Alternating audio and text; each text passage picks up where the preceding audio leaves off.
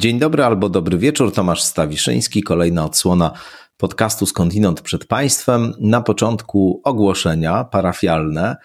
Otóż, tak jak już wspominałem wcześniej, ale przypomnę, w najbliższy czwartek, 15 grudnia o godzinie 18 w Głównej Księgarni Naukowej w Krakowie przy Podwalu odbędzie się spotkanie autorskie moje wokół reguł na czas chaosu.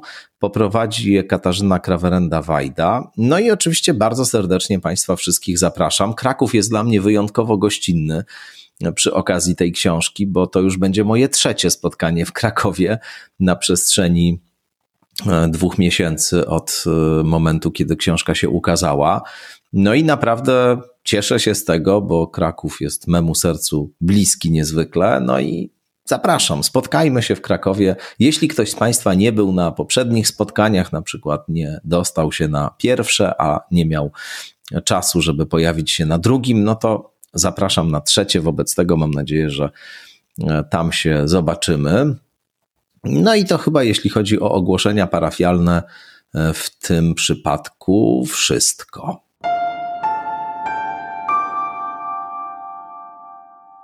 A teraz już zapraszam na rozmowę z Marcinem Mellerem, znanym Państwu doskonale, dziennikarzem, pisarzem, ostatnio publicystą, e, który przez wiele lat prowadził e, drugie śniadanie mistrzów w TVN24. Zapewne wielu z Państwa ten program zna świetnie, a niedawno zdecydował się z TVN-u odejść i założyć swój kanał na YouTubie, żeby właśnie na tym kanale robić program.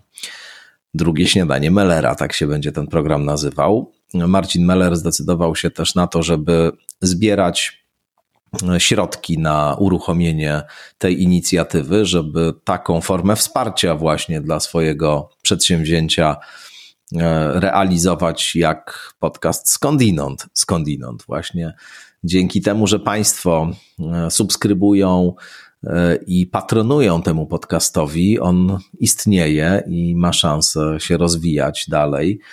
Dzięki więc przy tej okazji dla wszystkich patronek i patronów i subskrybentek, subskrybentów, dzięki dla firmy Strategy Wise, ekspertów do spraw komunikacji, którzy na Patronajcie e, intensywnie wspierają także podcast Skądinąd.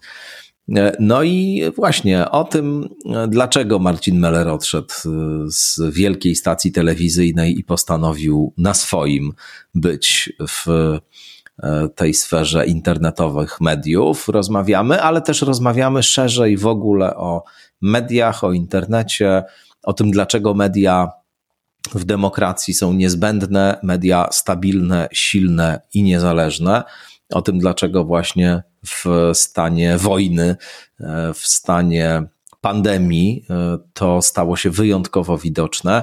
Rozmawiamy też o tym, co w mediach e, polską sferę publiczną niszczy, o sporach, radykalizmach, o polaryzacji i o rozprzestrzeniających się po obu stronach teoriach spiskowych. O tym wszystkim mówimy w kontekście właśnie mediów, rzetelności informacyjnej.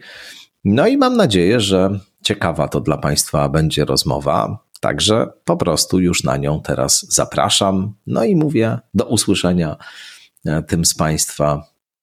No i mówię do zobaczenia w rzeczywistej rzeczywistości tym z Państwa, którzy 15 grudnia wybiorą się na moje spotkanie autorskie w Krakowie. No a teraz już Marcin Meller.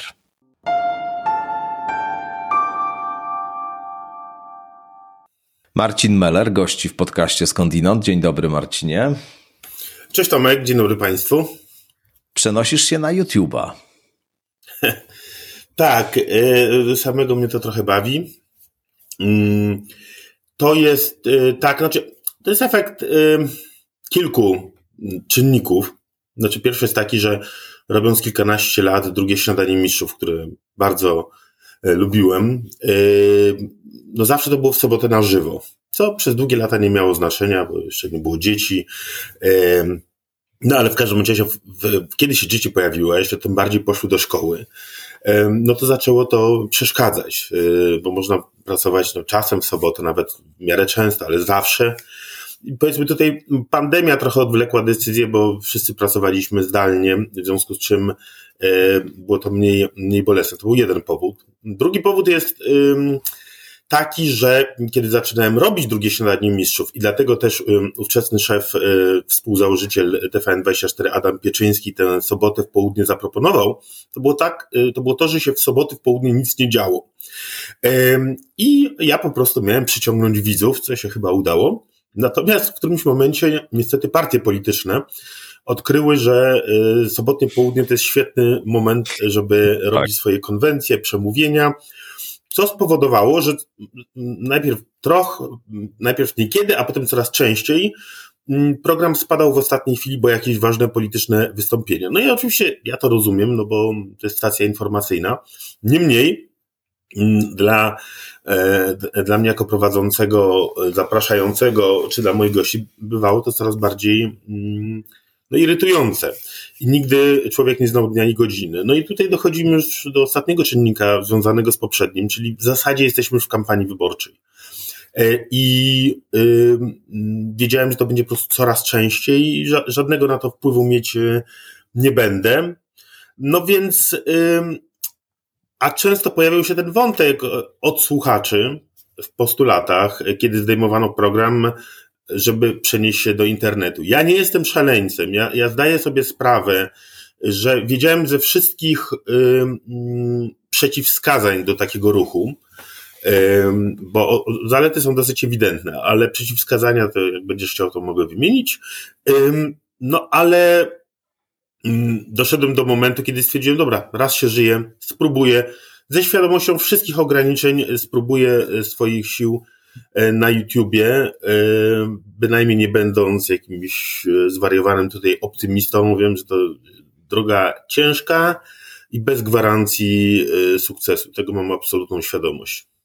A nie myślałeś po prostu, żeby ponegocjować ten termin i żeby program został przesunięty na jakiś inny dzień w tygodniu, czy nie było w ogóle takiej możliwości? No myślę, że nie było, gdyby była możliwość, to by został. Mm. Natomiast jak rozumiem, y, po prostu y, stacja uważała, że sobota to jest ten dobry czas. No od poniedziałku do piątku mają poukładane e, wszystko i, i, i, i tyle. Także no, jakby okej, okay. znaczy rozumiem w tym sensie. No, gdyby była możliwość, to bym, y, to bym Jasne. E, chętnie nie, z niej ja tak, skorzystał. Wiesz, dopytuję, dlatego że pojawiło się bardzo wiele różnych domniemań w internecie. No, program, jak sam powiedziałeś, był e, bardzo dobrze ogląda, oglądany i, i, mnóstwo ludzi jakoś było niezwykle przywiązanych do tych sobotnich, e, południowych spotkań z tobą i, i, z twoimi gośćmi. No i oczywiście mnóstwo się pojawiło różnych teorii dotyczących tego, dlaczego tak naprawdę odchodzisz. E, A dlaczego? Powiedz mi, bo ja starałem się... No, no ja, się... no ja... Mhm. No ja czytałem e, jakieś e, e, takie teorie spiskowe, które łączyły twoje odejście z pewną twoją wypowiedzią na antenie TVN-u jakiś czas temu wypowiedzianą, w której, w której mówiłeś o tym, że nie pasuje ci taka spolaryzowana narracja, w której no. po jednej stronie są tylko dobrzy, a po drugiej źli. E, no i że może to wynika z tego, że już miałeś, czy że już byłeś trochę zmęczony jednak taką atmosferą e, rzeczywiście coraz bardziej radykalizującej się politycznej wojny i stwierdziłeś, że na YouTubie będzie jednak większy rodzaj autonomii czy niezależności.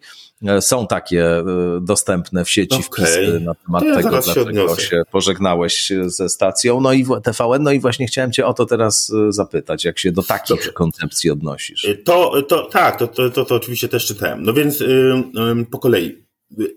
Nie, to nie był powód i powiem szczerze, to chodziło tak, faktycznie to było po tym, jak Konrad Piasecki E, e, rozmawiając z posłanką Platformy, śmiał zadać nie takie pytanie, e, jak trzeba, to znaczy nie takie, jak tak. trzeba z punktu widzenia hardkorowych fanów Platformy, głównie tak zwanych silnych razem. Rozpoczęła się no, zupełnie obłędna kampania nienawiści m, przeciwko Konradowi. Tam w ogóle zbierano podpisy, jacyś fanatycy, żeby go wyrzucić z, z TVN24 i tak dalej, i tak dalej. I, i właśnie m, jakoś chwilę później, e, zapowiadając swój program w poranku, kiedy byłem zapytany, czy, e, czy widzę jakieś perspektywy które mogą nieść pozytywny sens. No powiedziałem, że raczej nie widzę, bo jesteśmy już w trybie kampanii wyborczej, będzie coraz gorzej, będzie coraz więcej nakręcającej się nienawiści, coraz bardziej absurdalne oskarżenia. No i tutaj przytaczałem na przykład przykład to znaczy oskarżanie się o bycie ruską onucą. Tak. Pod tym względem paradoksalnie obydwie strony naszego politycznego sporu są w miarę zgodne, jeśli chodzi o wsparcie Ukrainy i również są w miarę zgodne w tym, że ci drudzy to są ruskie onuce. No i tak jak mówiłem i prowadzący um, um, przerwał, wskazując, że jedna strona jest jednak odpowiedzialna za to, no więc ja się pozwoliłem nie zgodzić, e, że to jedna strona jest za to odpowiedzialna, no i mówiąc, że obydwie strony mają swoje na sumieniu. No i oczywiście to było e, też straszliwą zniewagą dla, dla, dla fanatyków e, jednej e, z partii. E, I, e, I co? I te się oczywiście pojawiły nie pierwszy raz żądania, żeby wyrzucić mnie z TVN24, to znaczy e, to mm, niewątpliwie zawsze Konrad Piasecki był na pierwszym miejscu. I powiem szczerze, że po tym jak się rozpętała znowu ta fala histerii właśnie, że śmiałem popełnić myśl o zbrodnie, mówiąc nie tak jak należy, to ja już wtedy podjąłem decyzję, że, że jednak odejdę i po tej całej po, tej, po tej histerii to się zastanawiałem, czy jednak nie zostać właśnie po to, żeby nie było takich komentarzy. Nawet rozmawiałem mm z y, Michałem Samulem, czyli szefem TFN24 e, i dlatego też y, staliśmy razem, że po prostu napiszę y, dosyć prosto dlaczego, wiedząc, że to oczywiście może nie, nie utnie wszystkich spekulacji. Niemniej prawda jest taka, że to, co się wydarzyło po, tym, po tej mojej wypowiedzi, spowodowało, że ja się zacząłem zastanawiać, jednak nie zacisnąć zębów i nie zostać jeszcze parę miesięcy, E, właśnie po to, żeby nie było tego typu spekulacji. Co ci powiem tak, tutaj bo bardzo... Może ja powiem tylko krótko dla tych z Państwa, którzy może jakoś e, nie widzieli albo tej wypowiedzi, albo tego, co się wokół niej działo w sieci, że to w formie takiego wyciętego filmiku natychmiast trafiło na Twittera i było udostępniane z różnymi e, komentarzami, niekiedy aprobatywnymi właśnie, ale tak. przeważały te bardzo krytyczne. Tak, tak. I to wiesz, no nie, nie, nie pierwszy raz. To jest... Jasne. I problem polega, na, znaczy tak, tu y, y, mówię to wprost i bardzo jasno i tobie i twoim słuchaczom. To znaczy, że ja w TVN24 miałem absolutnie wolną rękę. Zdarzało się raz na ruski rok, y, że dostałem blokadę na zaproszenie jakiegoś gościa. Akurat głośno było ostatnio o tym, zaprosiłem Krzysztofa Stanowskiego, E, no i tutaj władze stacji powiedziały, że nie, po prostu mając do niego różne zastrzeżenia. Okej, okay. a sprawa o tej była akurat w miarę głośno, dlatego że ja zaprosiłem Stanowskiego sam, zadzwoniłem do niego, on powiedział, że wpadnie i napisał o tym na Twitterze i wtedy, wtedy dowiedziałem się, że Stanowskiego jednak nie mogę. Ale to mówię, to jest wyjątek potwierdzający regułę. I yy, zresztą Stanowski się obraźliwy nie jest, więc yy, kiedy wyszła moja powieść Czerwona Ziemia, to mnie zaprosił do siebie do kanału, do Hate Parku yy, i się znęcał nade mną przez trzy godziny, y, dzięki czemu zyskałem wielu fanów. Serio, serio. Y, to jest nieprawdopodobne, jakie on ma zasięgi. Y, to, I, prawda, tak, prawda. I wracając, wracając do tego, generalnie miałem totalnie wolną wolę. E, swobodę. E, zapraszałem sobie kogo chciałem e, i gadałem jak chciałem. Czasami spotykało się to z kąśliwymi komentarzami, ale tam nie wiem, w SMS-ach czy coś, mówię od szefostwa, ale to wszystko było właśnie super. Także znaczy, to były naprawdę fantastyczne warunki i tu nie było żadnych. To znaczy, kiedy były takie naciski właśnie jak pisanie tam na Twitterach przy tych silnych razem, żeby wywalić tego szkodnika, tak jak w przypadku Piaseckiego, to jakby nie, to tutaj TVN24 pod tym względem stoi za swoimi dziennikarzami czy prowadzącymi, obojętnie z której strony są atakowani, czy, czy e, nie wiem, ze strony jakiejś sekty pisowskiej, e, czy ze strony sekty Silni Razem. I, i to było, to, tutaj nie było żadnych wątpliwości. Także, także dlatego też nie chciałem odchodzić w takiej, w takiej atmosferze, żeby, żeby się doszukiwano, że to być może z powodów politycznych czy moich poglądów. To absolutnie, absolutnie nie. I jak mówię, no to raczej, raczej bym się starał zostać dłużej, no ale w końcu stwierdziliśmy, pogadaliśmy z Michałem, że po prostu napiszę takie wyjaśnienie i, i tyle. I, I zresztą do końca było super, bo było coś takiego, że dwa dni przed ostatnim programem, e, o czym zapomniałem, e, że nie podpisałem e, dokumentów o, o rozstaniu, więc podjechałem do, do firmy nawiertniczą no i zadzwoniłem do Michała, żeby e, spytać, czy jest gdzieś na korytarzu, żeby jeszcze przybić piątkę. No to on tam się śmiał, co, zmieniłeś zdanie, bo jeszcze, wiesz, niczego nie podpisałeś, więc możemy pociągnąć tę historię. E, I, e, no i się rozstaliśmy w takiej atmosferze, że ja próbuję na swoim, a że rozstajemy się w przyjaźni, w związku z czym drzwi, drzwi do TVN24 pozostają otwarte. E, co nie znaczy, że będą otwarte, bo to nigdy wiesz, nie wiadomo. No. E, natomiast e, fakt jest faktem, no, że na YouTubie jakby wszystko zależy ode mnie, na dobre i na złe. I, i no właśnie chciałem cię teraz wyjdzie. popytać o te, o te minusy, które widzisz, czy, bo, bo wspomniałeś na początku, że, że masz pewne również wątpliwości co tak. do tego medium. No zacznijmy, oczywiście, no, zacznijmy od tego, jak wspomniałeś o sympatii, które budziło drugie śniadanie mistrzów, no to w ogóle jeszcze w dodatku w ostatnim roku y, jeszcze oglądalność wzrosła, także to tam było 400 y, kilkadziesiąt tysięcy, co jak na stacji informacyjnej jest bardzo dużo.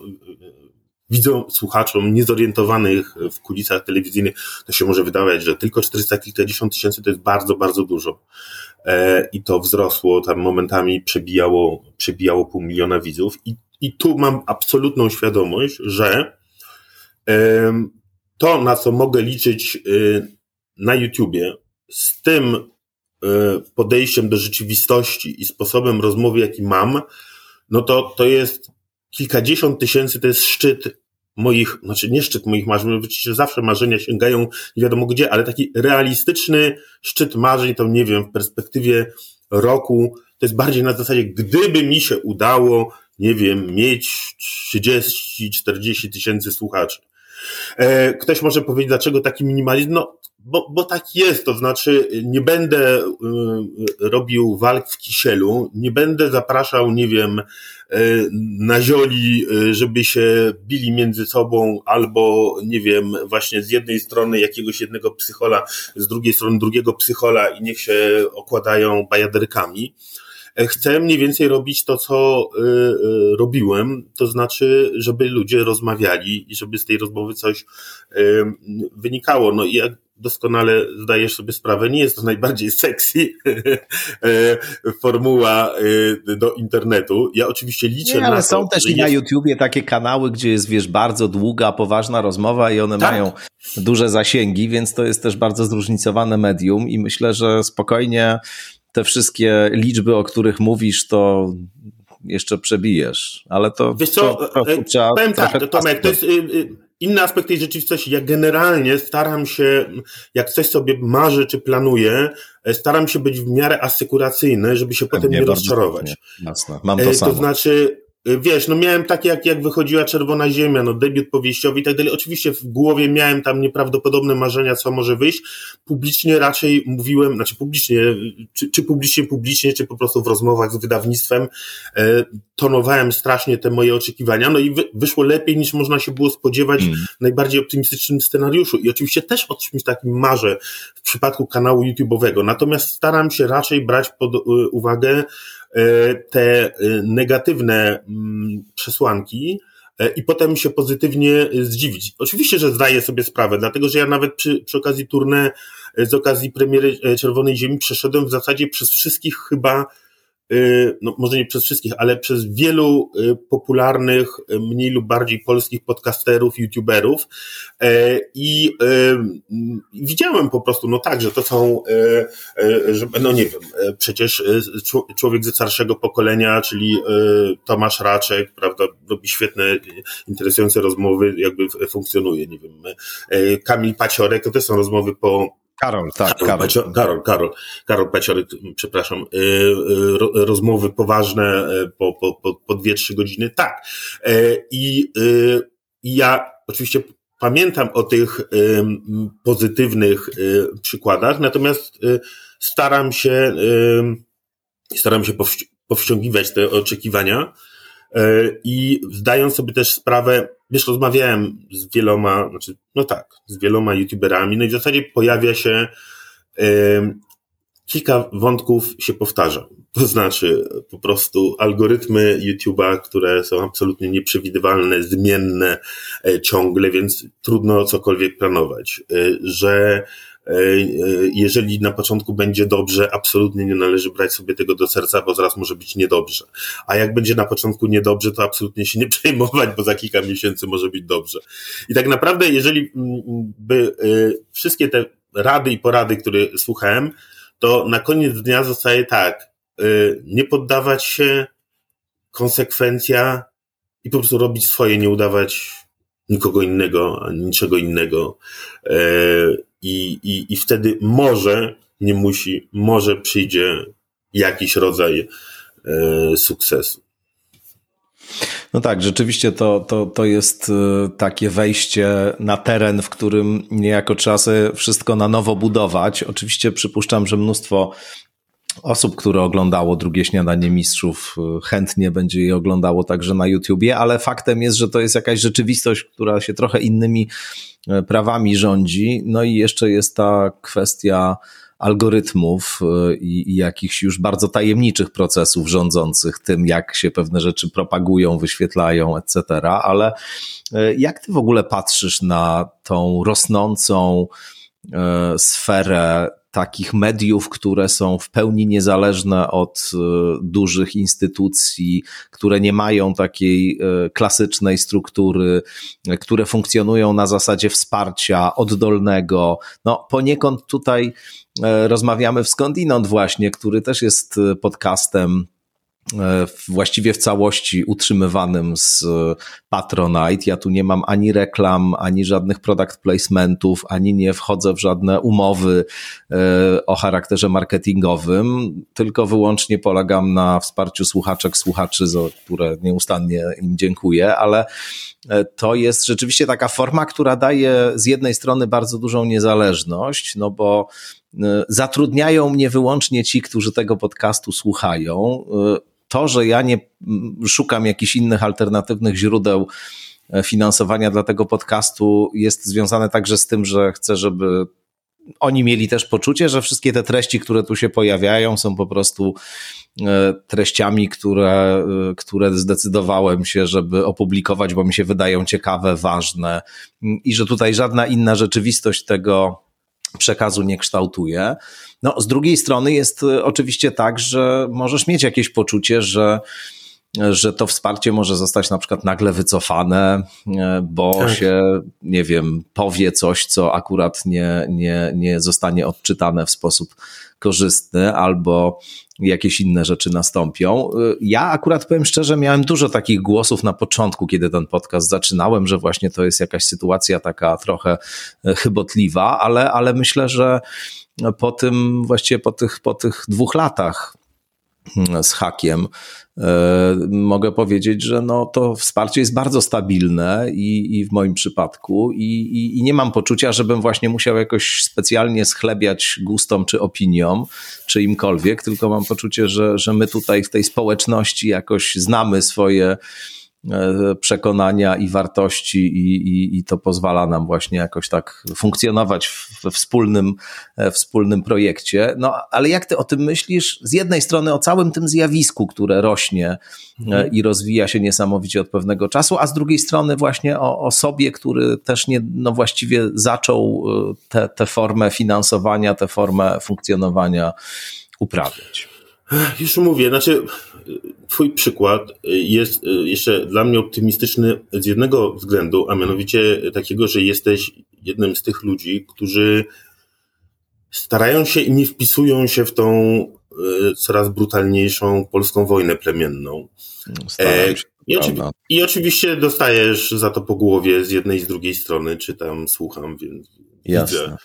tak jak ty śledziłeś interpretację na temat mojego odejścia, to ja sobie naprawdę z jakąś pasją czytam, jak strasznym jesteś szkodnikiem. I nigdy nie wiadomo, czy pisze to ktoś z lewa, czy z prawa. Tak, także.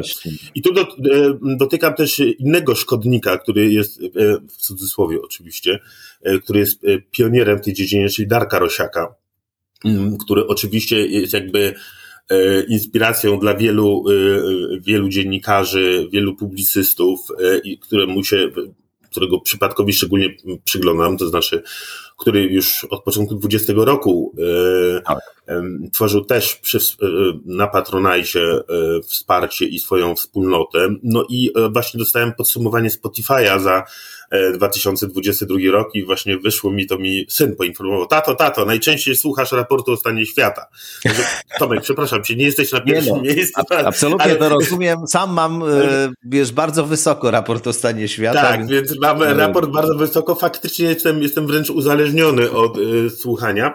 E, się śmieję, że szkodnik, bo oczywiście Rosiak też, e, przecież jak go zapraszałem często do drugiego śniadania mistrzów, to, to zawsze wywoływał e, bardzo silne emocje właśnie, że no tak, dla prawej strony jest nie ich, dla lewej strony jest nie ich, czy tam dla, nie wiem, dla, dla pisowców podejrzany, dla radykalnych platformersów podejrzany, natomiast robi świetną robotę. Maciej Okraszewski, dział zagraniczny, tak. który też bardzo lubię. E, wielu by wymieniać i e, zacznijmy po kolei. Jest, według mnie to jest po prostu trend i tendencja, która e, wiąże się z wieloma innymi rzeczami, tak jak w streamingu sobie oglądasz po prostu to, co chcesz, a nie musisz siedzieć przed telewizorem, tak podcasty są po prostu mutacją radia, że ty sobie wybierasz, y, co słuchasz. Jeśli chodzi o finansowanie społecznościowe, to jest, no ja pamiętam jak, jak Rosiak uruchamiał tą y, zbiórkę na początku 20 roku, bo wtedy się go zapraszałem do drugiego śniadania, reklamowałem y, jego inicjatywę i no, jego sukces przeszedł wszelkie oczekiwania y, i jest tak, że tak, oczywiście jest ryzyko, o którym mówisz, to znaczy, y, że, to, że mm, może wyschnąć y, to wsparcie. No, przykład twój, przykład właśnie Czerosiaka Kraszewskiego pokazuje, że, że nawet rośnie. Ja też postanowiłem pójść tą drogą. Y, akurat nie na Patronajcie, jak wy na, na, na zrzucę.pl model jest y, podobny. Y, u mnie jest trochę o tyle inaczej, że być może trochę trudniej, że początkowe koszta są po prostu większe, bo chcę robić w obrazie, czyli koszta tak. są większe, studio, sprzęt, to jest, to jest pierwszy problem. Drugi problem jest taki, z którego ja sobie zdawałem sprawę, kiedy się zastanawiałem nad opcjami, jak ten kanał YouTube'owy odpalić. To znaczy, że w moim wypadku może się włączyć um, jakiś ładunek um, hejtu na zasadzie, że gwiazdunia z telewizji celebryta to mało się nachapałeś, jeszcze, no, E, rozmawiałem z mądrzejszymi ode mnie, również ludźmi z, mm, z zrzutki, z Patronite'a, z, z tymi, którzy poszli tą drogą, raczej mnie uspokajali. No i, yy, i te pierwsze, bo to w zasadzie dopiero trzecia doba, pokazują, że tak jak yy, wielu ludzi wspiera, y, znaczy wspiera słownie, y, tam ponad setka już wpłaciła, natomiast sporo jest właśnie takich no bądź zwykłego trollowania, bądź też niezrozumienia, aż Wzruszył mnie e, pisarz Jakub Żulczyk, który w tym świecie nie wytrzymał i, i zupełnie nieproszony przeze mnie tam e, zaczął tłumaczyć na moim profilu, że to jest po prostu kierunek, w który idzie, e, e, idą media i że to, że ja zbieram na to, żeby zrobić program YouTube'owy, to nie znaczy, że odbieram komuś coś od ust, tylko że po prostu każdy podejmuje, no ale nie, bo to są często takie argumenty, że, tak, tak, wiem, że chyba, że się w głowie przewróciło, tutaj nie ma na takie potrzeby, na takie i takie, a ten se będzie zbierał na, na kanał YouTube'owy. Więc, no cóż, trzeba spokojnie odpowiadać. W niektórych przypadkach, przyznaję, w niektórych zacząłem po prostu blokować jakichś szczególnie agresywnych troli, e, ale odpowiadam, nie wiem, używając argumentu, że na przykład ja nie wiem, od paru lat płacę co miesiąc na Oko Press, bo mi się podoba ich działalność dziennikarska e, i w związku z tym to nie znaczy, że nie dam, nie wiem, na pomoc jakąś inną, albo poza tym to jest prawo każdego człowieka. No, trzeba tłumaczyć, tłumaczyć, tłumaczyć. Niemniej, niemniej e, te, te pierwsze, pierwsze dni są mm, ciężkie. Trochę byłem na to przygotowany i jedyne, jedyne co sobie postanowiłem, że jak już tak się zbieram na scen, to, to nie czytam komentarzy w sieci, żeby się w zły sposób to nie chyba dobra decyzja, tak. Tak, nie, bo wiesz, bo tak zrobiłem no, lepiej rano, bo to wtedy jest cały dzień na, na rozmasowanie mózgu i, i duszy. E, e, ale myślę, że coraz więcej mm, coraz więcej e, mm, ludzi będzie szło w tą stronę. No, z powodu, znaczy Żulczyk to stawia po prostu zupełnie ostro, że, że po prostu głupiejące telewizje powodują, że, że ludzie będą szukać właśnie jakichś treści, treści bardziej w sieci. Wiesz, ja E, konsultując się z różnymi ludźmi, i była też taka sprawa, że ja miałem propozycję od pewnej firmy medialnej, żebym ten kanał YouTube'owy swój, drugie śniadanie Mellera nazwałem, znaczy kanał się nazywał Marcin Meller, ale program, który będę robił, drugie śniadanie Mellera, żeby y, ta firma medialna proponowała mi, że to, że oni to zrobią, wszystko, tak? Tylko, że jak mówię, było mi y, y, w sumie dobrze w TVN24, no to nie po to odchodzę, żeby wpadać gdzieś indziej i że jednak wolę trudną wolność niż jakieś bezpieczne, bezpieczne znowu zależenie, mm, zależenie od kogoś. I jak rozmawiałem z różnymi ludźmi, którzy już w YouTube działają, to wspomniany Stanowski, który mi tam e, udzielał e, paru rad, no to właśnie na przykład mówił, że znaczy nie, nie roztaczając jakichś bajkowych wizji przede mną, natomiast mówiąc, że polski YouTube cierpi na niedosyt treści jakościowych, cokolwiek to znaczy. I, i, i zachęcał, żeby spróbować na własną rękę nie tylko on, więc no idę na tę bitwę. E, wierząc, że e, znajdę ludzi, którzy będą chcieli e, po prostu włączyć sobie w którymś momencie nowy, nowy program i że trochę znajdzie się tych, znaczy już się znalazło. No jest ponad setka, co jest super, tych, którzy już wpłacili. I też mam nadzieję, że kiedy, bo w połowie stycznia ruszam z pierwszym programem, że też będzie trochę łatwiej, kiedy już po prostu wrzucę do sieci pochwalę się pierwszym odcinkiem i powiem widzom, tak to ma mniej więcej wyglądać, a może jeszcze lepiej wyglądać, e, jeśli, jeśli e, będą na to e, środki. Natomiast też się szykuję na różne warianty mm, jakby hybrydowe. To znaczy, na przykład, jeżeli mi nie starczy pieniędzy, bo ja bym chciał tak robić, że w, mm, w studio czy w kawiarni, tak jak było na początku drugiej śniadanie mistrzów, kilku gości przy stole, z kilku kamer, no tak na bogato. No a jeżeli się okaże, że że nie będę miał e, wystarczających środków, no to będę robił raz tak, e, raz może zrobię, nagram dwa odcinki naraz po prostu, żeby, żeby ściąć koszta. To swoją drogą, to też jest ciekawe, to dla niektórych pewnie jest oczywistą oczywistością, dla mnie zawsze jest nowość, no to pewnego rodzaju zmiana, której, której muszę dokonać, jeśli chodzi na przykład o tematykę i sposób rozmów, bowiem robiąc na żywo w telewizji, no siłą rzeczy chodziło o to, żeby się odnosić do najbardziej bieżących wydarzeń. Natomiast YouTube ze swoją specyfiką, po pierwsze nie będę nagrywać na żywo, będę chciał wrzucać, tak jak to się działo dotychczas w soboty, w południe, ale nagrywać będę w piątki. Ale to nawet jest, jest najmniejszy, najmniejsza różnica, bowiem e, Różnica polega też na tym, że w czasie realnym, to znaczy wtedy, kiedy się pojawia materiał, ogląda jakiś tam procent nikły potencjalnych widzów. I tak naprawdę potem te, te odcinki, materiały się mm, oglądają przez kolejny tydzień, dwa tygodnie, czasami dłużej. Co zresztą widziałem po, jak patrzyłem sobie na wyniki swoich występów y, na prawach gościa u różnych gospodarzy mm, w, w ostatnich miesiącach, no to, to, to zupełnie inny wynik był pierwszego dnia, zupełnie inny po dwóch tygodniach. Co z kolei powoduje, że będę musiał myśleć o takim ustawianiu też trochę tematów, że nie mówimy o tym, że dzisiaj Kowalski powiedział coś o Malinowskim, bo to za trzy dni w ogóle jaki Kowalski, jaki Malinowski, o co chodzi. E, że, że bardziej kreować takie, znajdować tematy, które będą też interesować za dwa tygodnie bez konieczności e, googlowania, ale o czym oni mówią.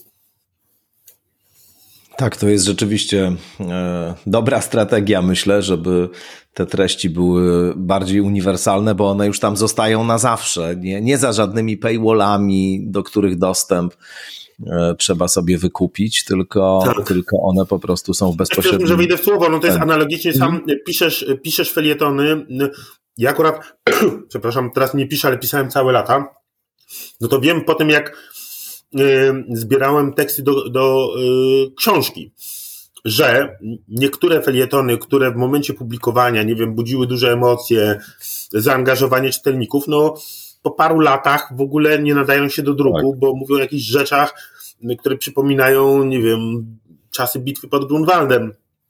A takie skądinąd może bardziej banalne, ale bardziej uniwersalne, nagle się świetnie sprawdzają w formie książkowej, bo dotyczą jakichś spraw, które mają taki sam charakter dzisiaj, jak miały 5 e, lat temu, więc, więc będę miał to w tyle głowy, e, wymyślając, e, o czym będę rozmawiał ze swoimi gośćmi. Jasne. A tak szerzej teraz chciałem pomówić w ogóle o tym, co się z mediami dzieje w ostatniej dekadzie, powiedzmy. Mieliśmy jakiś czas temu taki moment. Yy, E, poważnego kryzysu, kiedy się wydawało, że już na dobrą sprawę te tradycyjne media, zwłaszcza drukowane gazety odchodzą w przeszłość i wszystko przeniesie się już do sieci. Być może tak się stanie, bo to, co tam się dzieje teraz z cenami papieru na przykład, to e, każe, każe powątpiewać w optymistyczny scenariusz w najbliższym czasie, ale zobaczymy. Natomiast chyba e, te takie media, powiedzmy, tradycyjne, z tą strukturą, polegającą na tym, że jest redakcja, jest właśnie zespół, który zajmuje się dbaniem o jakość, rzetelność, merytoryczność tekstów, że, że to przynajmniej w niektórych miejscach przetrwało i, i ma się coraz lepiej. Tu historia na przykład New York Timesa, ale i innych dużych mediów e, amerykańskich i, i europejskich też e, coś takiego pokazuje. Natomiast, e, no, jak popatrzymy na ten krajobraz, to, to on wygląda jednak zupełnie inaczej niż tam 20 czy, czy 30 lat temu, czy, czy 40. Dzisiaj faktycznie ten ciężar podstawowy jest chyba w sieci i powstało bardzo wiele takich niezależnych albo ośrodków, albo pojedynczych osób, które tworzą e, narrację w mediach i, i czasami one ją tworzą, czy nawet bardzo często e, w sposób, który może się wydawać problematyczny, bo mamy e, różne postacie, które propagują na przykład teorie spiskowe albo jakieś podejrzane przekonania polityczne albo pseudonaukę i one też cieszą się niezwykłą popularnością i na YouTubie i, na, i w innych mediach. I, ten, i to, to się z jednej strony bardzo zdemokratyzowało i jest to niewątpliwie zjawisko korzystne, że dzisiaj właśnie możesz budować coś na własną rękę i nie musisz mieć nikogo, kto będzie twoim mecenasem w tym sensie takim klasycznym. E, i to jest przekaz niezapośredniczony przez e, jakieś gremia, które będą dyktowały ci, co możesz, a czego nie możesz powiedzieć. I jak powiadam, jest w tym bardzo dużo dobrego, bo, bo na przykład właśnie jest bardzo wiele takich super jakościowych treści w sferze podcastowej czy, czy YouTube'owej, które by się nigdy w życiu nie przebiły w mediach e, tradycyjnych. No nie wiem, jak myślę o tych podcastach Lexa Friedmana czy sama Harrisa na przykład, czy właśnie e, trwających 3,5 godziny rozmowach e, Karola Paciorka czasami, no to, to wiadomo, że to nie miałoby właściwie poza taką, e, takimi mediami, z jakimi teraz mamy do czynienia, to to by nie miało racji bytu. No ale z drugiej strony jest właśnie ta, to niebezpieczeństwo, czy, czy ta okoliczność, że że te treści są kompletnie pozbawione jakiejkolwiek y, weryfikacji, jakiejkolwiek dbałości często o to, żeby ten przekaz był merytoryczny, żeby nie był szkodliwy. I, i one realnie mnóstwo złego też też robią, co widzieliśmy przy okazji pandemii, widzimy przy okazji wojny.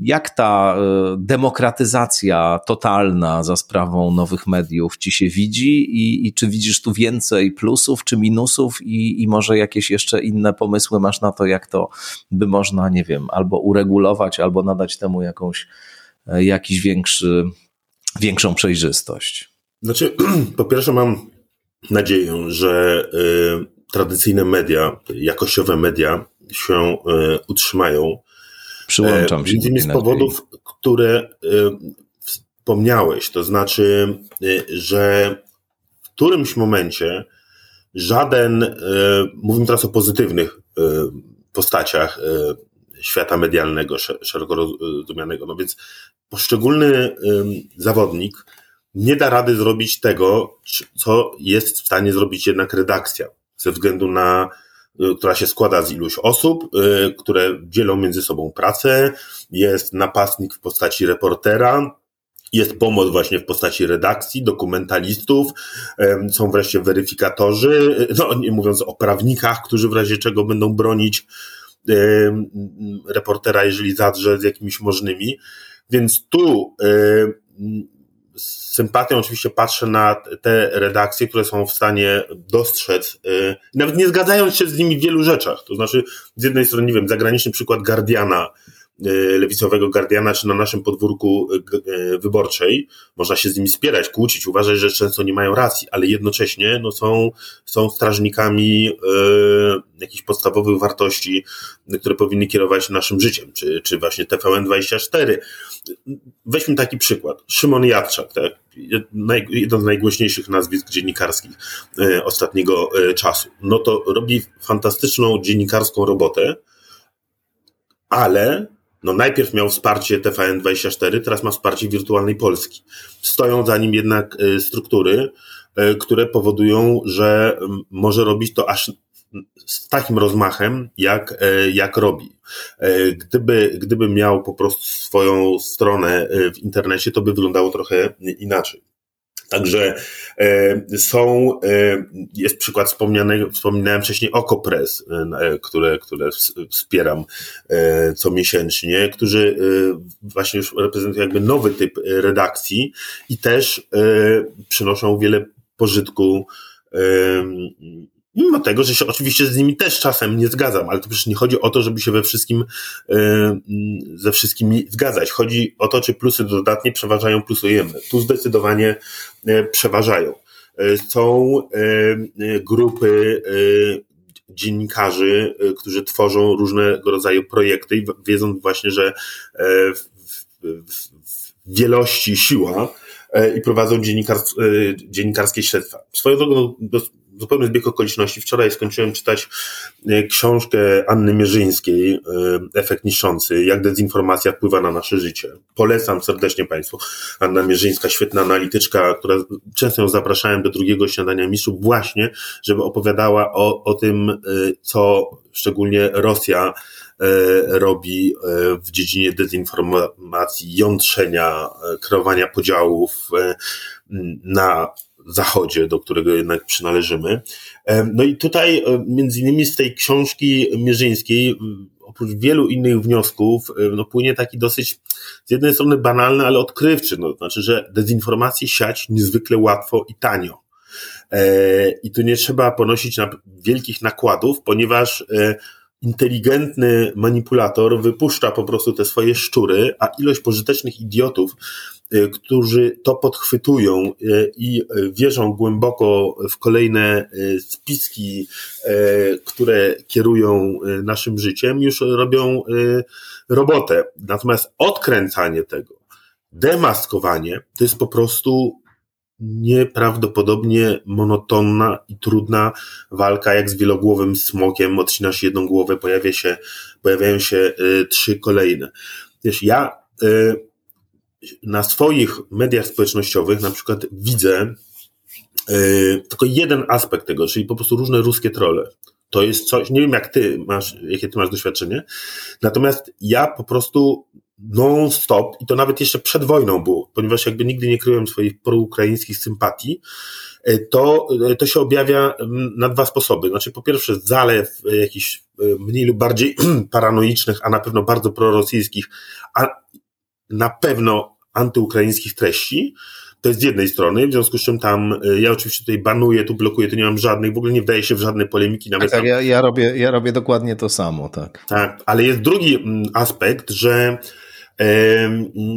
jestem non-stop, wiesz, zgłaszany przez nich. W związku z czym mam y, y, ostrzeżenia, y, tak zwane shadow bany, czyli wiesz, ograniczenie zasięgów, żeby było, znaczy to śmiesznie, to wcale nie jest śmieszne. Od początku pandemii na, na swoim Instagramie miałem taką misję społeczną, że po prostu, oczywiście nie na taką skalę jak Make Life Harder, ale, czy Michał Marszał, ale dzień w dzień starałem się dostarczać jak najwięcej memów, żeby poprawiać stan psychiczny e, moim obserwatorom za to skądinąd wiem, że byli, są wdzięczni, no ale te nieszczęsne memy z kolei powodowały, e, że e, algorytmy, z jednej strony algorytmy Instagrama, a z drugiej strony po prostu właśnie różne trole zgłaszające, że balansowałem na, na krawędzi usunięcia mnie z z Instagrama na przykład, czy z Facebooka. To też jest na przykład Witold Szabłowski, który, e, świetny reporter, który od początku wojny e, na swoim Facebooku e, no, prowadzi taką misję informacyjną na temat wojny. On w końcu musiał już się uciec do tego, że wysyła newslettera o tym, co się dzieje na wojnie, ponieważ jego konto było zawieszane z powodu właśnie tychże ruskich troli. I tu wracamy jakby do, do podstaw, to znaczy, świetnie, że internet daje swobodę e, robienia własnych treści na własnych prawach, natomiast e, e, uważam, że po, powinien, powinna zostać równowaga, że jednak są te tradycyjne, nawet jeśli one są nowoczesne, tak jak wspomniane OKO.press funkcjonujące już zupełnie, ale jednak redakcje, które polegają na tym, że jest to grupa osób wykonująca jednak trochę inne czynności, wzajemnie się wspierająca, i dająca e, siłę e, instytucji. Bo świat bez, bez tego typu redakcji, no to by znaczył zupełną bezkarność rządzących, różnych rządzących. Bo tu nie chodzi tylko o, o wszechpotężną propagandę rosyjską, no ale to też chodzi o naszych rządzących, obojętnie czy władzę dzisiejszą, czy władzę jutrzejszą.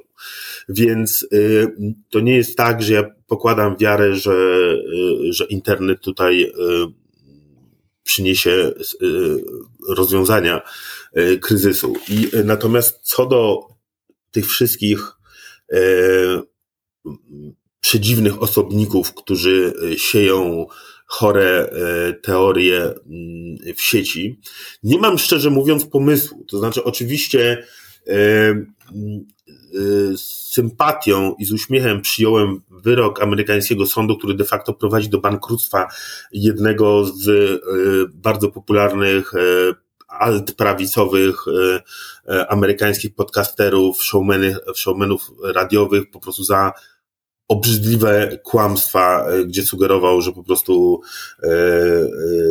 strzelanina i ofiary śmiertelne to jest jakaś fikcja zrobiona przez lewackie media, e, etc. No i, i po prostu musi ponieść konsekwencje swoich, swoich kłamstw. E, z tym, że w realiach polskich nie liczyłbym na żadne tego typu wyroki i nie wiem, nie wiem po prostu. Tu, tu wracam. Z jednej strony to jest kwestia walki, nieustającej walki, tak jak pisze, pisze Mierzyńska, tylko no każdy kto siądzie i zacznie mówić o jakiejś fikcyjnej pandemii albo y, o y, aktorach, którzy w szpitalach udają y, umierających, albo o tym, że Ukraińcy inscenizowali, nie wiem, czy ruiny, czy, czy, czy coś tam. Mm, nie mam niestety pomysłu. Jedyne, co mi przychodzi do głowy, że po prostu ludzie dobrej woli muszą cały czas walczyć i starać się y, stawiać opór. No, w tym wypadku często czystemu złu. No niestety to jest niekończąca się walka, y, bo y, jak wspomniałem, dezinformację siać niezwykle łatwo, podziały nienawiści. Wymaga to ciągłej aktywności ludzi dobrej woli od wielkich redakcji po e, pojedynczych e, publicystów. To się, to się nie skończy, innego pomysłu na to nie mam. Ja się z Tobą absolutnie zgadzam i też wydaje mi się, że, że te ostatnie lata nam bardzo mocno pokazały, jak y, potrzebne są media stabilne, niezależne i profesjonalne, no bo w momencie, kiedy ich nie ma, a Teraz y, mamy sytuację, w której one są poważnie osłabione, tak jak mówiliśmy wcześniej, y, i też uzależnione w dużym stopniu od y, kwestii rynkowych, czy, czy często też kwestii politycznych. No ale jak ich nie ma, no to jesteśmy wydani albo na pastwę dezinformacji wielkich podmiotów politycznych, albo na pastwę wielkich korporacji, które podporządkowują sobie tę sferę i realizują za jej pośrednictwem jakieś swoje interesy, a media w demokracji są jednak e, w tym idealnym e, modelu, rzecz jasna, e, kontro, takimi ośrodkami kontroli zarówno polityków, jak i wielkiego biznesu. Jeśli one są zależne od polityków albo wielkiego biznesu, no to oczywiście nie mogą tej roli spełniać. Ja wiesz, pamiętam kilka takich rozmów już kilka lat temu z naprawdę niesamowicie zaangażowanymi e, i, ideowymi dziennikarzami mediów lokalnych w Polsce, e, których podstawowym problemem było właśnie poczucie, że za nimi w ostateczności nikt nie stanie, ponieważ nie mają takiej agendy, która by im pozwalała na przykład bezpiecznie pisać o wielkich interesach e, albo jakichś nadużyciach, które mm, w tych miastach czy w tych okręgach, w których oni działają, występują, no bo oni e, nie będą w stanie się utrzymać, bo stracą pracę, bo jakieś inne ich spotkają jeszcze szykany i nieprzyjemności i wypowiadali się właśnie w takim tonie, że gdyby mieli poczucie, że za nimi jest redakcja, są prawnicy, jest gwarancja bezpieczeństwa i wsparcia, no to ta sytuacja byłaby zupełnie inna. Też oglądam, wiesz, ostatnio, to już jest ostatnia rzecz, y, bardzo dużo takich y, seriali dokumentalnych w różnych platformach streamingowych, poświęconych rozmaitym aferom, a to biznesowym, a to kościelnym, a to mm, wszelkim innym.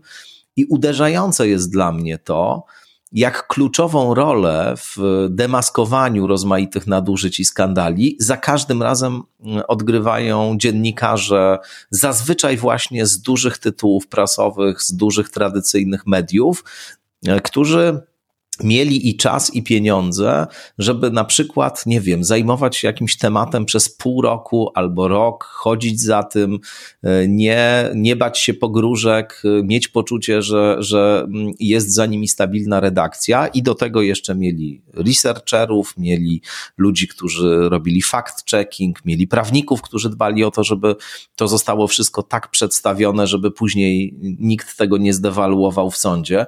Więc rzeczywiście świat bez takich mediów wydaje mi się miejscem przerażającym, mówiąc szczerze. No, ja oglądałem wstrząśnięty dokument jeszcze o noblistce e, filipińskiej, dziennikarce Marii e, Ressi. E, oglądałem ten dokument jeszcze zanim ona dostała Nobla. No, to się nazywa Tysiąc Małych Ran bodaj.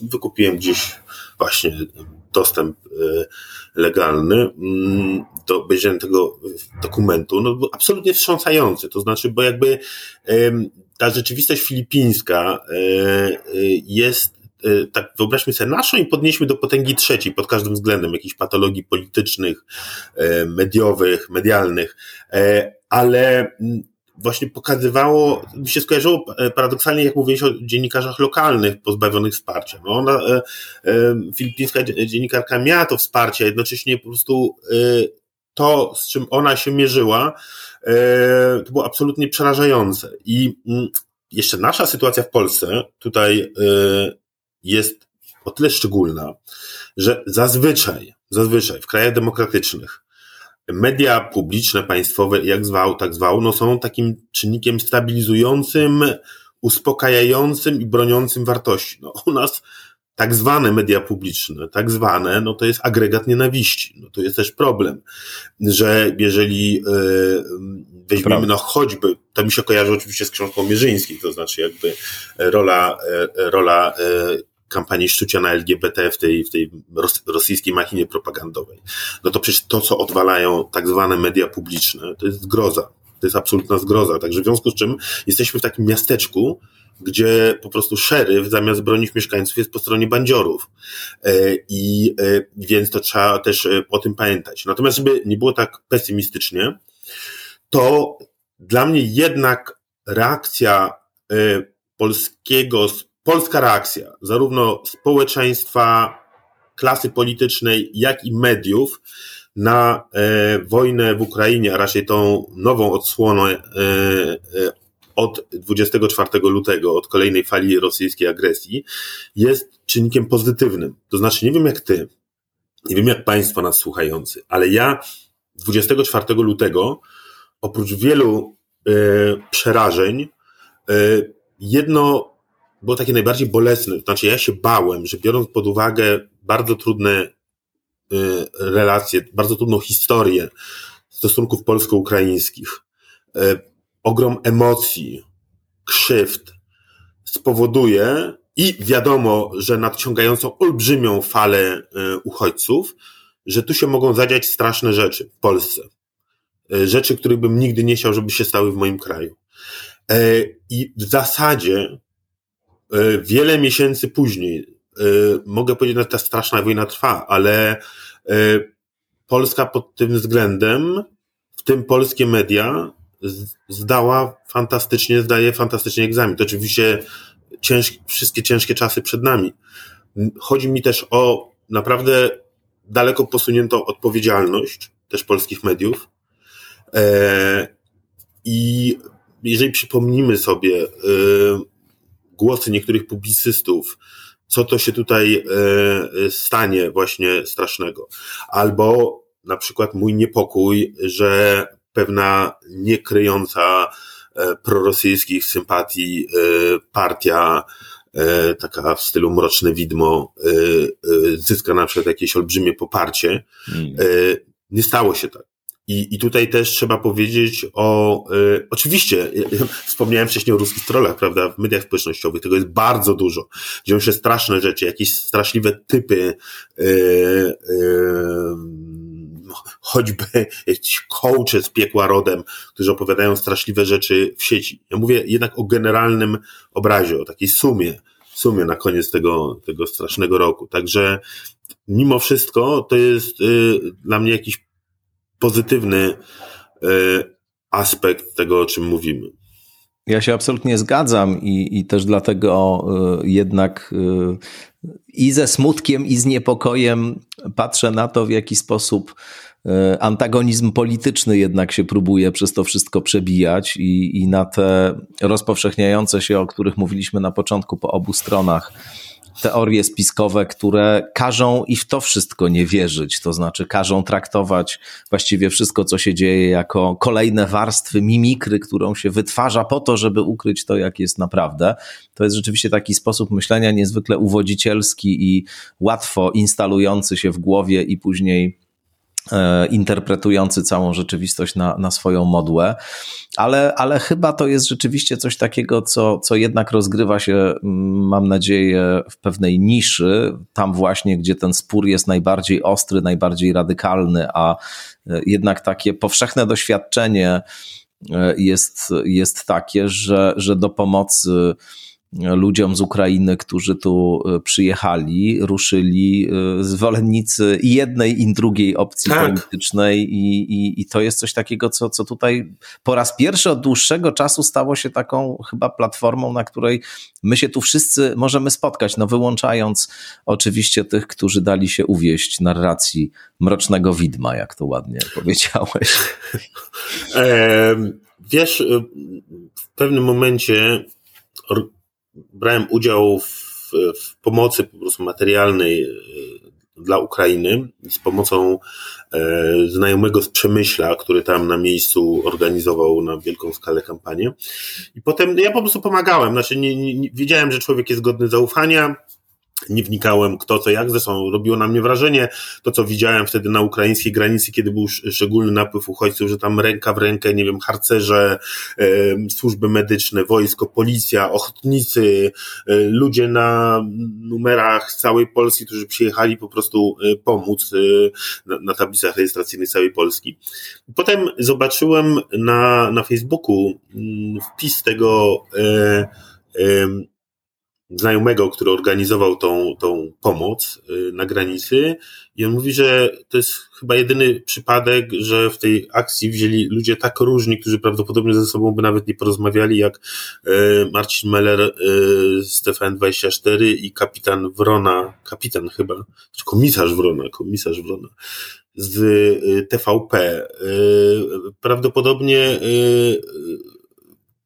byśmy y, krzyczeli na siebie, gdybyśmy mieli podyskutować o jakichkolwiek y, sprawach polskich, a w tej sprawie nie spotykając się bezpośrednio, ale przez pośrednika, ale jednak działaliśmy de facto ręka w rękę. E, tak, to jest, to jest, a, a jednocześnie, jak wspomniałem, obydwie strony, e, e zwolennicy obydwu politycy największych partii, którzy jednak w zasadzie głoszą to samo, jeśli chodzi o wojnę e, w Ukrainie, no to właśnie się obrzucają tymi wyzwiskami, że ci drudzy to ruska agentura. E, I tu wracam jakby do początku naszej rozmowy. Niestety, niestety nie znajduję żadnych źródeł optymizmu e, co do najbliższego roku, czyli kampanii wyborczej ci, którzy próbują to jakoś y, łagodzić, y, próbują nie dopuścić do dalszej eskalacji, zarówno czy to są dziennikarze, czy publicyści, czy też niektórzy politycy, bo też nie wszyscy, nie wszyscy idą w radykalizm. No to oczywiście są za chwilę zakrzykiwani y, przez wojowników czy PiSu, czy Platformy, że po prostu zdrajcy, tam symetryści, chować, zamknąć ryje i tak dalej, i tak dalej. I, i powiem jeszcze jedną rzecz, że E, zupełnie poważnie. E, znaczy, ja patrzę zawsze na tych takich radykałów, fanatyków ze szczególną podejrzliwością.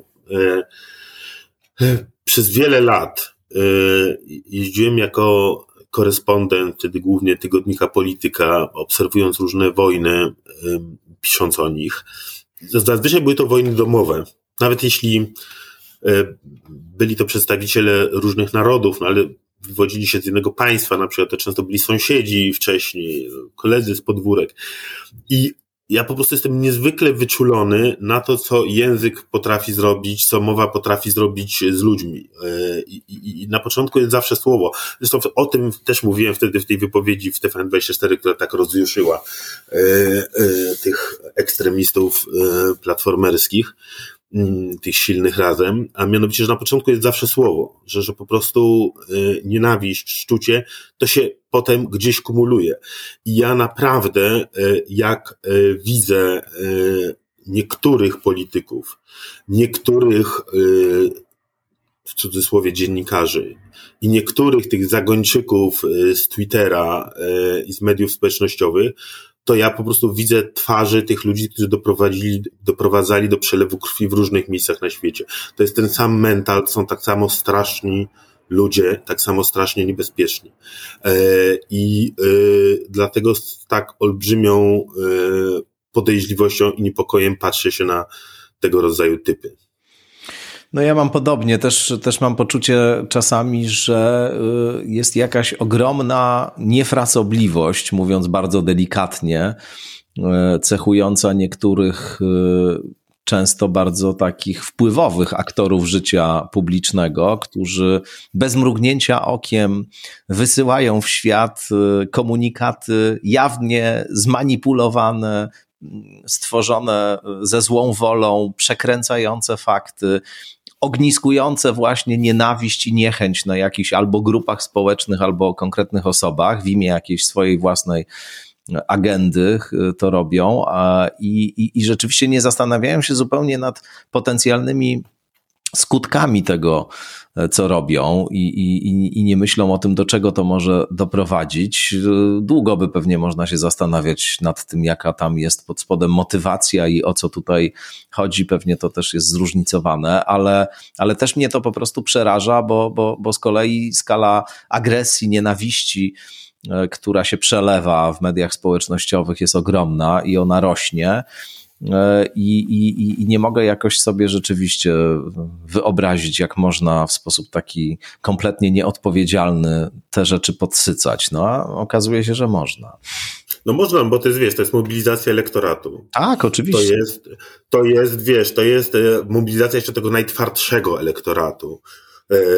To znaczy, paradoksalnie, wiesz, e, w sumie prekursorem takiego, wydaje mi się, mobilizowania tego najtwardszego elektoratu, to, to, to zrobiła akurat y, tutaj y, y, prawa strona, to znaczy słynne kluby Gazety Polskiej, tak, które były mm. taką mobilizacją najtwa, najtwardszych z twardych e, i którzy po prostu nigdy nie odpuszczali jakby to było to twarde jądro, wokół którego mogło coś być budowane. I, no i w tej chwili, w tej chwili mamy jakby odpowiedź taką lustrzaną, jakby po drugiej stronie, E, nazywa się to to inaczej, ale, ale mniej więcej e, charakter jest ten sam.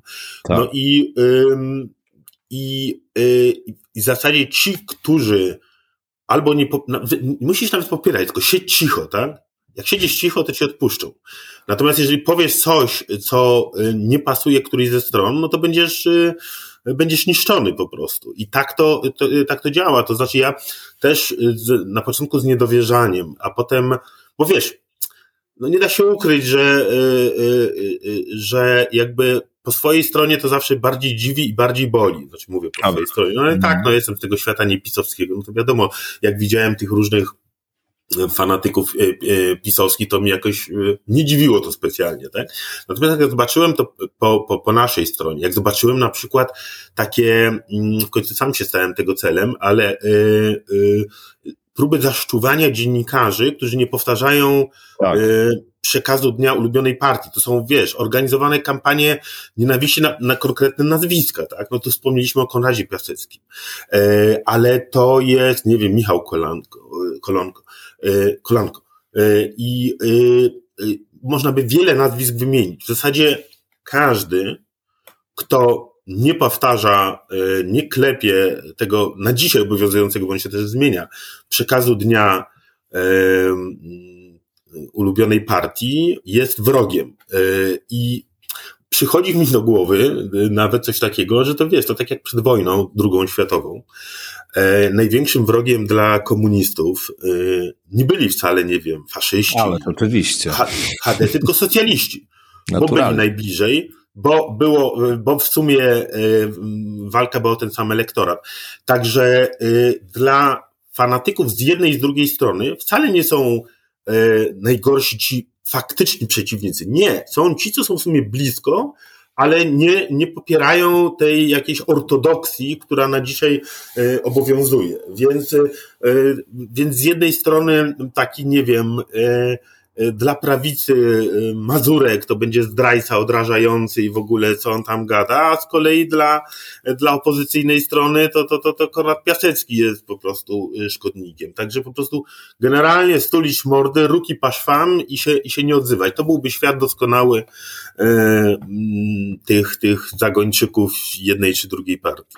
Tak, no tutaj oczywiście też chodzi o to, że, że te postacie, o których mówimy, czy w ogóle taka perspektywa nieortodoksyjna, ona jest gotowa na przykład do weryfikacji swoich własnych e, błędów, do korekcji jakichś działań, które mogą być e, potencjalnie groźne do tego, żeby w ogóle dostrzegać także i po swojej stronie różne e, sytuacje problematyczne, nieidealne, złe, żeby stosować na przykład jednolite standardy i dla własnej, i dla przeciwnej strony, a nie tylko wobec przeciwnej standardy stosować, a wobec swojej zupełnie nie. I, i to oczywiście jest coś, co mm, przeszkadza w takiej retoryce radykalnej polaryzacji, gdzie my to czyste dobro, jasność, światło, a po drugiej stronie tylko zło, ciemność co finalnie oczywiście też jest na, na rękę klasie politycznej, no bo, no bo też zwalnia cię po prostu z konieczności formułowania jakiegoś przekazu, e, opracowywania programu, etc.,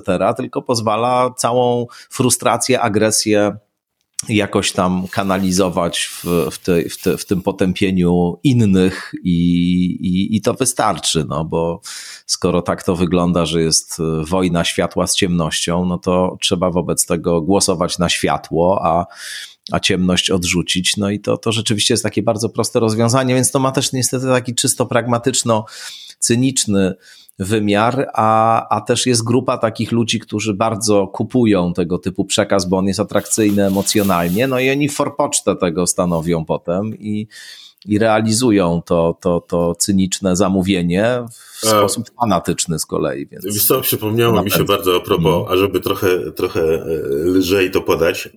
100 mm, lat temu Legia Warszawa grała z Hajdukiem Split o awans do Ligi Mistrzów Wtedy się jeszcze nie dostała. No i jako kibic Legii byłem e, jeszcze na tak zwanej żylecie z kolegami.